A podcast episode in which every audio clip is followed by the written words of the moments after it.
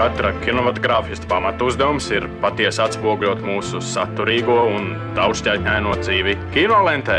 Izceļot tipisko un izlaižot mazsvarīgo, akcentējot panākumus un nenoklusējot dažkārt sastopamus trūkumus. Balansējiet, nu godājiet vēseli inženieri starp pienākumu un varēšanu. Pie jūras klimats par kino. Labdien, mīļie radio klausītāji! No 15. līdz 25. oktobrim Rīgā norisināsies nu jau 7. Rīgas starptautiskais kinofestivāls.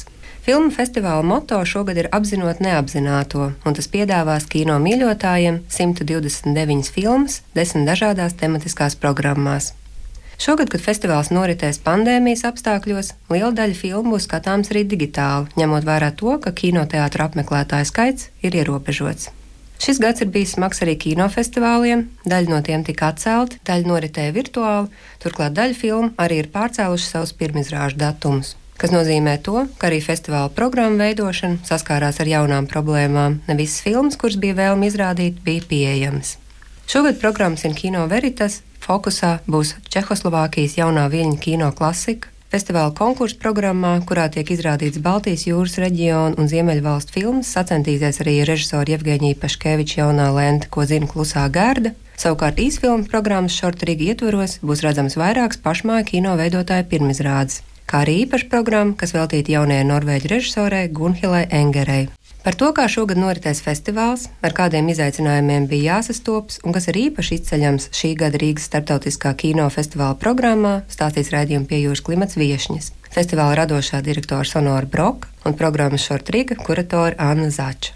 Labdien! Sveicināti! Labdien! Kādas izmaiņas gaidāmas šī gada festivāla norisē un kā noritēja filmu rādīšanas daļējā pārvietošana digitālajā formātā? Vēl maija beigās mums nebija pašiem skaidrs, kā noritēs un vai noritēs festivāls. Šobrīd jau nu, tas ir pavisam skaidrs. Tātad šis būs hibrīda festivāls, jeb festivāls, kas notiek gan kinoteātros, gan arī tiešsaistē. Mēs esam parūpējušies, lai tas būtu maksimāli ērti. Tātad šī izvēle notiek turpat mūsu festivāla mājaslapā. Pie katras filmas ir iespējams izvēlēties biļeti vai nu uz kinozāli, vai nu uz tiešsaisti. Tiešsaistē mēs izmantosim Shift 72 platformu, kas ir viena no, ja ne principā vadošā šobrīd pasaulē vietne, kas ir tieši arī tam radīta, lai palīdzētu kinofestivāliem sasniegt savus skatītājus arī tiešsaistē. Un šo vietni izmanto arī Rotterdamas kinofestivāls, Kānu kinofestivāls, tādēļ mēs paļaujamies uz to, ka viss notiks bez rāža. Kā noritēja pats atlases process, vai bija ierobežotāks filmu skaits, un vai, piemēram, bija piedāvājumā atšķirības filmetrāžas un īsmetrāžas filmām, daudzumā, daudzveidībā. Nu, šogad tāda tradicionālās formas filmu atlase, tātad klātbūtne starptautiskos kinofestivālos strauji beidzās februāra sākumā. Tad es biju apmeklējusi Rotterdamas kinofestivālu un Berlināli. Kopš tā brīža tad visa atlase notika attālināti gan apmeklējot kinofestivālus tiešsaistē, gan arī jau sadarbībā ar filmu institūtiem. Protams, ka vienā mirklī bija ļoti liels sajukums ne tikai kuratoru vidū, bet arī filmu izplatītāju vidū, jo bija tāda vēl doma, ka tas varētu ātri pāriet, šis te lockdowns, un, un kaut kādā mirklī atsāksies atkal kinofestivālu noris tradicionālā formā, bet es domāju, varbūt tas izšķirošais mirklis bija Kanu kinofestivāls, kurš nenotika nu, jeb nenotika tā ierastajā formā. Tas parasti gada griezumā ir tas mirklis, kurā pārējiem kinofestivāliem kļūst pieejama virkne filmu, kuras ir veidojuši ļoti atpazīstami režisori.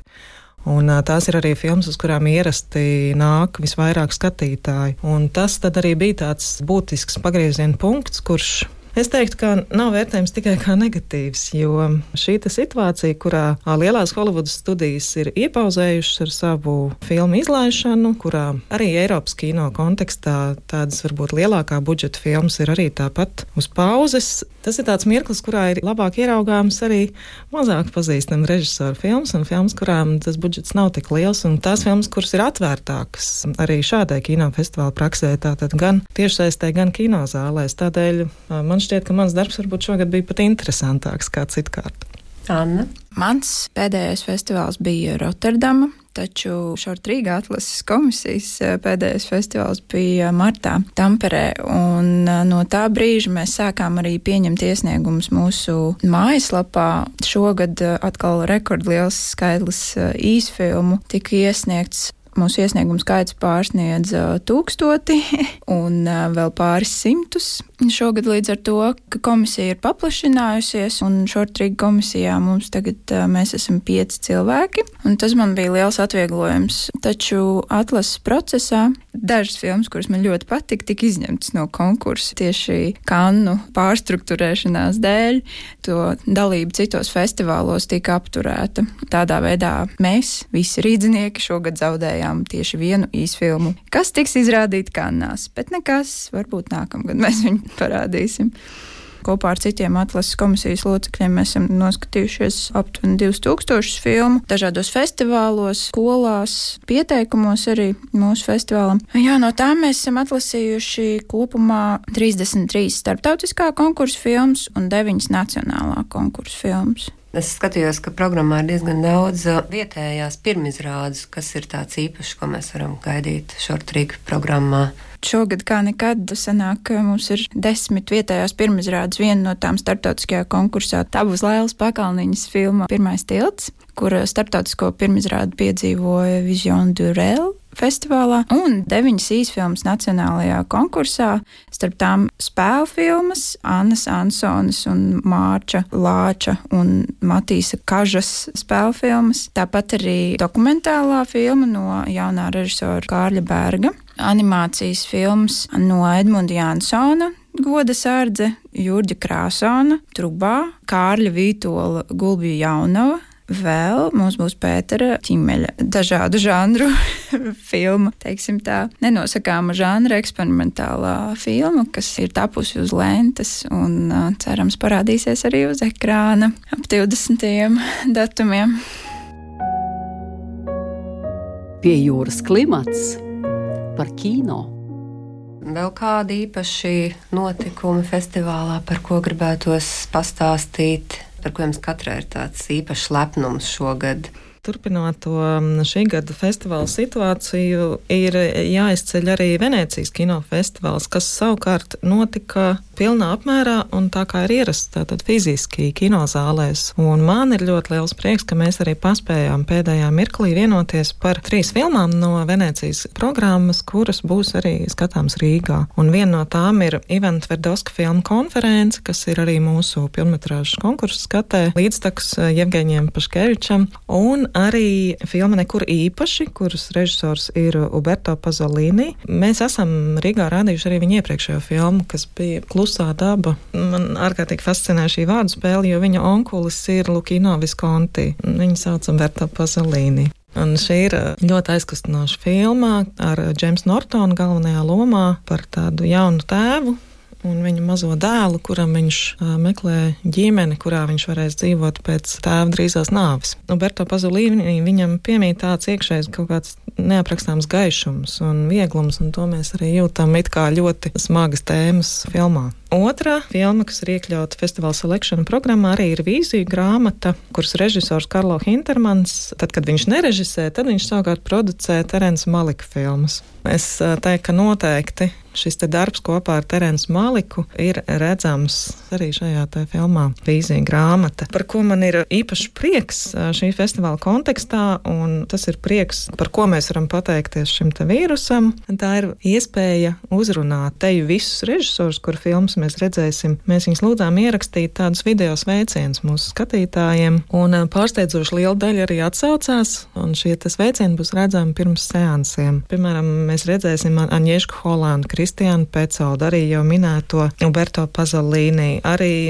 īslandiešu režisors, kur visi ļoti aktīvi izrādīja vēlēšanos ierunāt šos te video sveicienus. Arī vēl Berlināls režisors. Un šie sveicieni, kurus es jau esmu paspējis noskatīties, viņi ir ārkārtīgi aizkustinoši. Man šķiet, ka tiešām iedod tādu īpašu fonu turpmākajam filmu sēnsam. Šortrīga programmā sveicieni nebūs pirms sēnesa toties.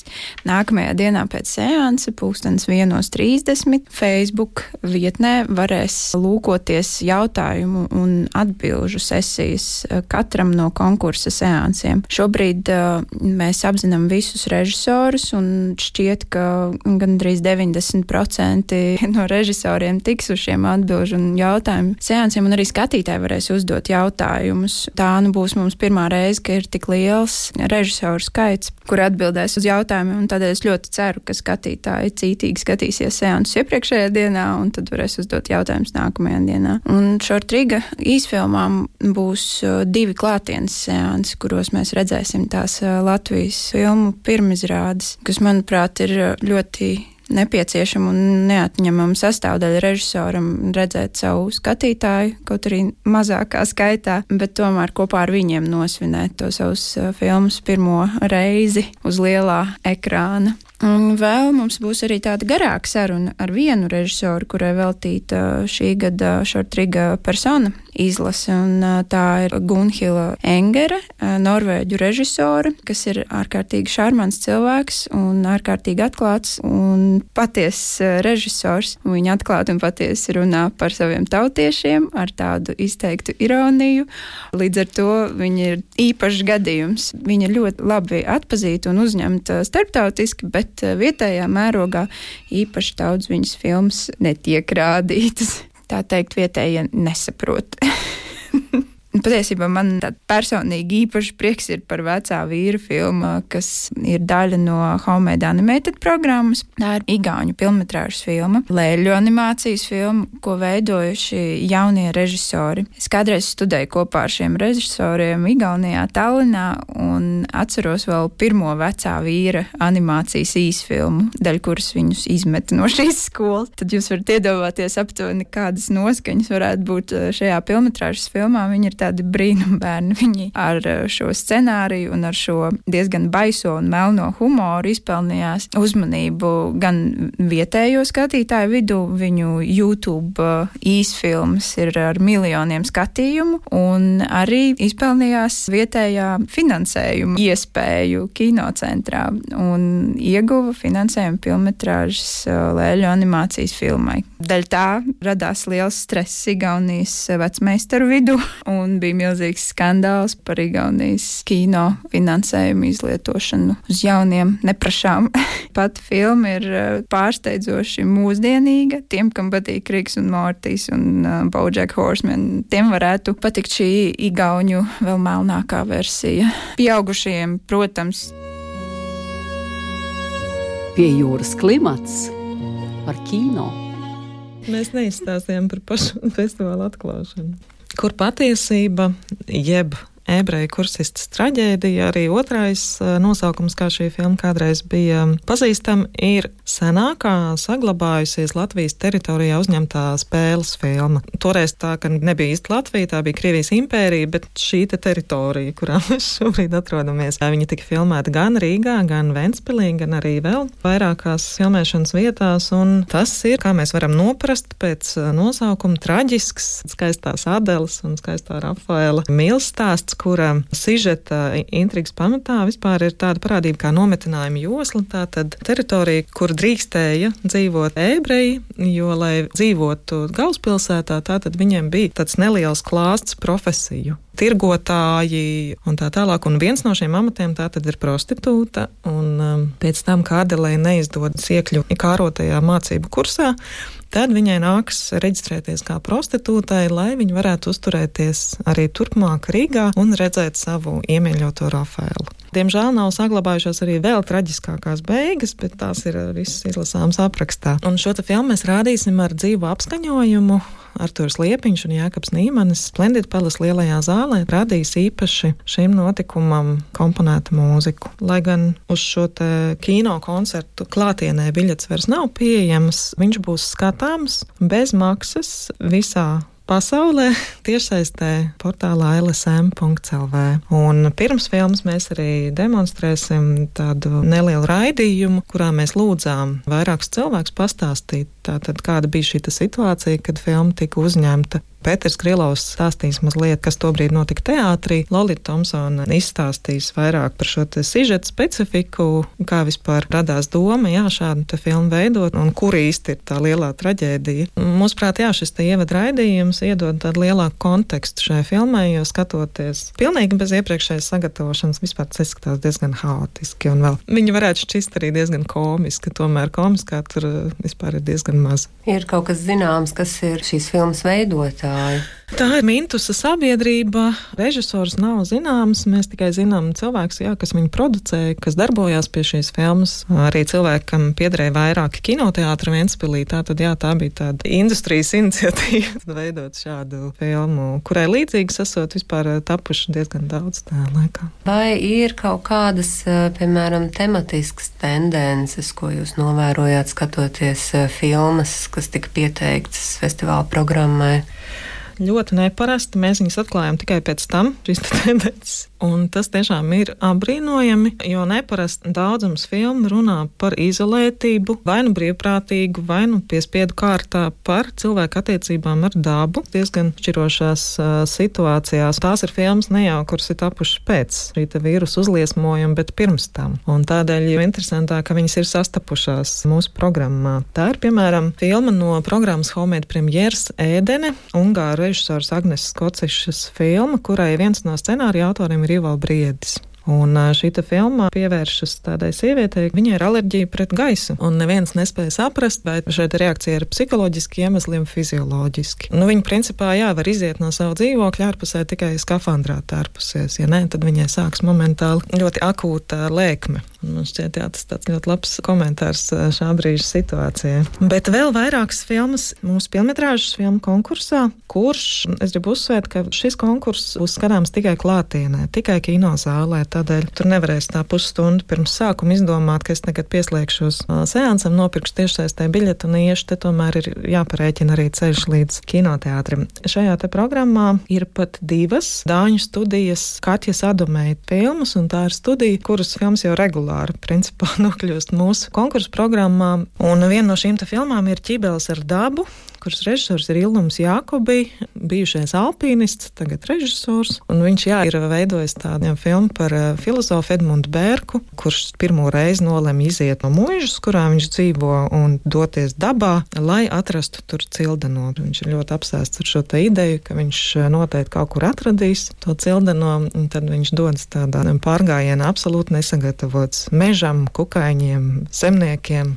Un tad ir filma Sveķi, kuras režisors Daniels Borgmans jau ir arī viesojies Rīgā ar savu iepriekšējo filmu. Sveiki ir līdzīgi jau kā minētā Norvēģa režisora Engera. Arī acīm redzot, Daniels Borgmans nav tādā ārkārtīgi lielā sajūsmā par savas valsts sabiedrības īpatnībām. Tātad viņa filmas centrā ir ģimene, kur nolemj absolūti izolēties no sociuma, jo viņi ir nonākuši bāriņtiesas uzmanības lokā. Tātad viņi inscenē savu bērnu nāvi lai viņiem viņu neatņemtu un pārceļas uz dzīvi dziļi mežā, kur vispār ne ar vienu viņiem nav kontakts. Un tad, kad tomēr tur ir ģimenes locekļi, kas pie viņiem nokļūst, tad uh, vienā mirklī ģimenes tēvs aizraujas ar um, balzamēšanu. Un uh, vispār viņš saredz jā, tādu ļoti, ļoti lielu sasaisti viņu tajā izteikti naturālās saimniecības praktizēšanā un dabas norisē un tā dzīvības un nāves robeža, tā viņam šķiet tikai tāda neuzkrītoša detaļa. Man šķiet, ka es varētu tagad sākt spekulēt par to, ka īsfilms taisa mazliet jaunāka paudze, jo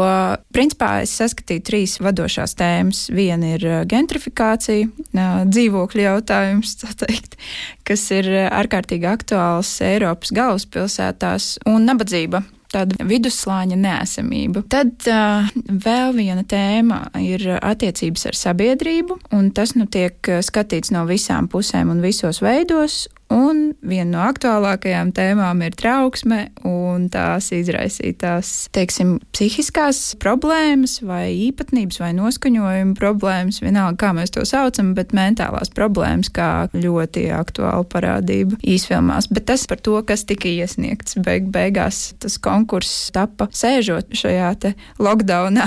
Līdz ar to tās tēmas, kas vairāk uzrunāja, droši vien ir mazliet covid ietekmētas, teiksim tā. Tādēļ, piemēram, viena no filmām man ir par siekalām. kas, manuprāt, ir kaut kas tuvs sveķiem savā materialitātē un tekstūrā šī filma varētu nepatīkam un patīkam pārteikt kādu skatītāju. Šīs vadošās tēmas, un manuprāt, tas ir tāds paudzes jautājums, jo īsfilmas top ļoti ātri, salīdzinot ar spēļu filmām, un tomēr lielākoties pieredzējušāki režisori iegūst finansējumu spēļu filmām, un viņi nāk no mazliet vecākas paudzes nekā īsfilmu režisori bieži vien, bet nu, tā ir tāda spekulācija, manuprāt. Man nav tāda ļoti veca režisora programma. Bet runājot vēl par to izolācijas momentu, man, es sapratu, ka man ir vesela virkne vispār filmu.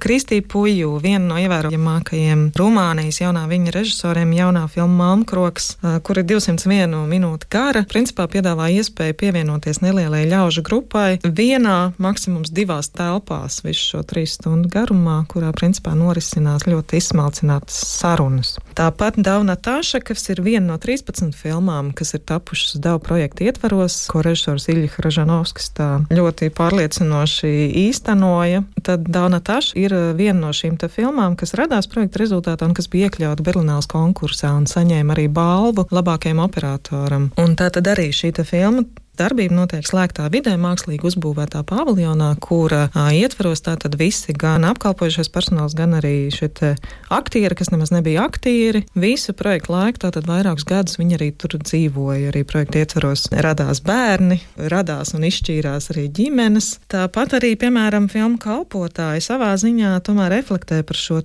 slēgtā sociuma tēmu. Tā ir Ivana Ostrahovska filma, Slovāka režisora filma par katoļu katoļu semināru, kuram pievienojās jauni puiši, lai viņiem nevajadzētu nedoties armijā un, un nevajadzētu kaut kā pakļauties valdošiem režīmam. Nu, vai tās viņu ieceras viņiem izdevās, nu, tas ir cits jautājums, protams. Tāpat arī Kuzina klusā garda patiesībā ir filma kā reiz, kuras darbība notiek noslēgtā vidē, mūžā, it kā ārpus laika, tādā retrītā, kurā tu atsakies no visiem saviem digitālajiem pavadoņiem, telefoniem, datoriem tā tālāk un mēģini it kā rast mieru savam prātam. Nu, jāuzsver, jā, tas ir mēģinājums.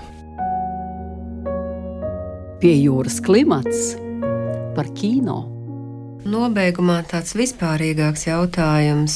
Daudzi režisori šobrīd arī savās intervijās runā par to potenciālo kinoteātru nāvi, ka neatgūsies kinoteātra industrija no šīs piespiedu pauzes, ja tā maigi varētu tā nosaukt. Mm -hmm. Kā jums šķiet, vai cilvēki ies un vai viņi iet šobrīd arī, vai jūs zinat uz kinoteātriem, kādu jūs redzat šo kinoteātru nākotni?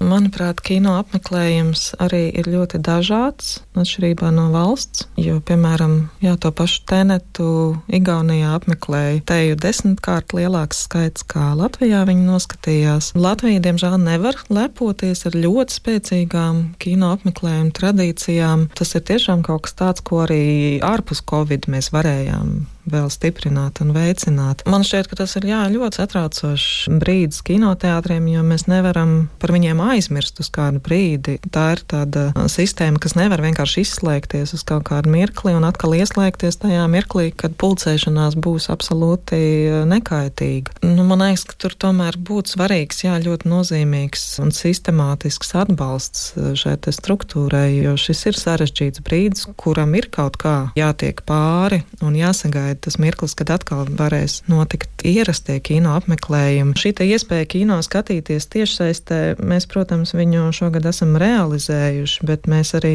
neuzskatām, ka tas ir veids, kā būtu jāskatās kino. Tādēļ mēs arī ļoti lielu daļu no seansiem rādīsim arī kinoteātrī, apzinoties to, ka vietas skaits ir ierobežots un, protams, ka tas nebūs komerciāli ļoti izdevīgs eh, notikums. Bet um, šis ir tas brīdis, kurā skatītājiem ir tā iespēja ar uh, to savu biļeti nobalsot gan par kino veidotāju, gan arī par kino izrādītāju eksistenci patiesībā. Jā, es tikai varu piekrist tam, ka kino ir jāskatās kinoteātrī. Tā ir pavisam cita pieredze. Un, manuprāt, ar laiku skatītājs to arī sapratīs. Šobrīd visi ir vairāk satraukušies par vīrusu nekā par to, ka viņi ir zaudējuši. Viņi patiesībā viņi nav zaudējuši. Viņiem ir šāda iespēja, bet diezgan ierobežotā skaitā skatīties kino, kinoteātrī. Bet uh, gan es, gan mani draugi, mēs ilgojamies pēc uh, lielā ekrāna un mēs par to runājam. Tā kā es domāju, ka skatītājs noteikti atgriezīsies, bet lai kinoteātrī ātri izdzīvotu, tiem ir nepieciešams šobrīd gan skatītāji, gan valsts atbalsts. Tik tiešām var tikai un vienīgi piekrist sonorai. Paldies par sarunu!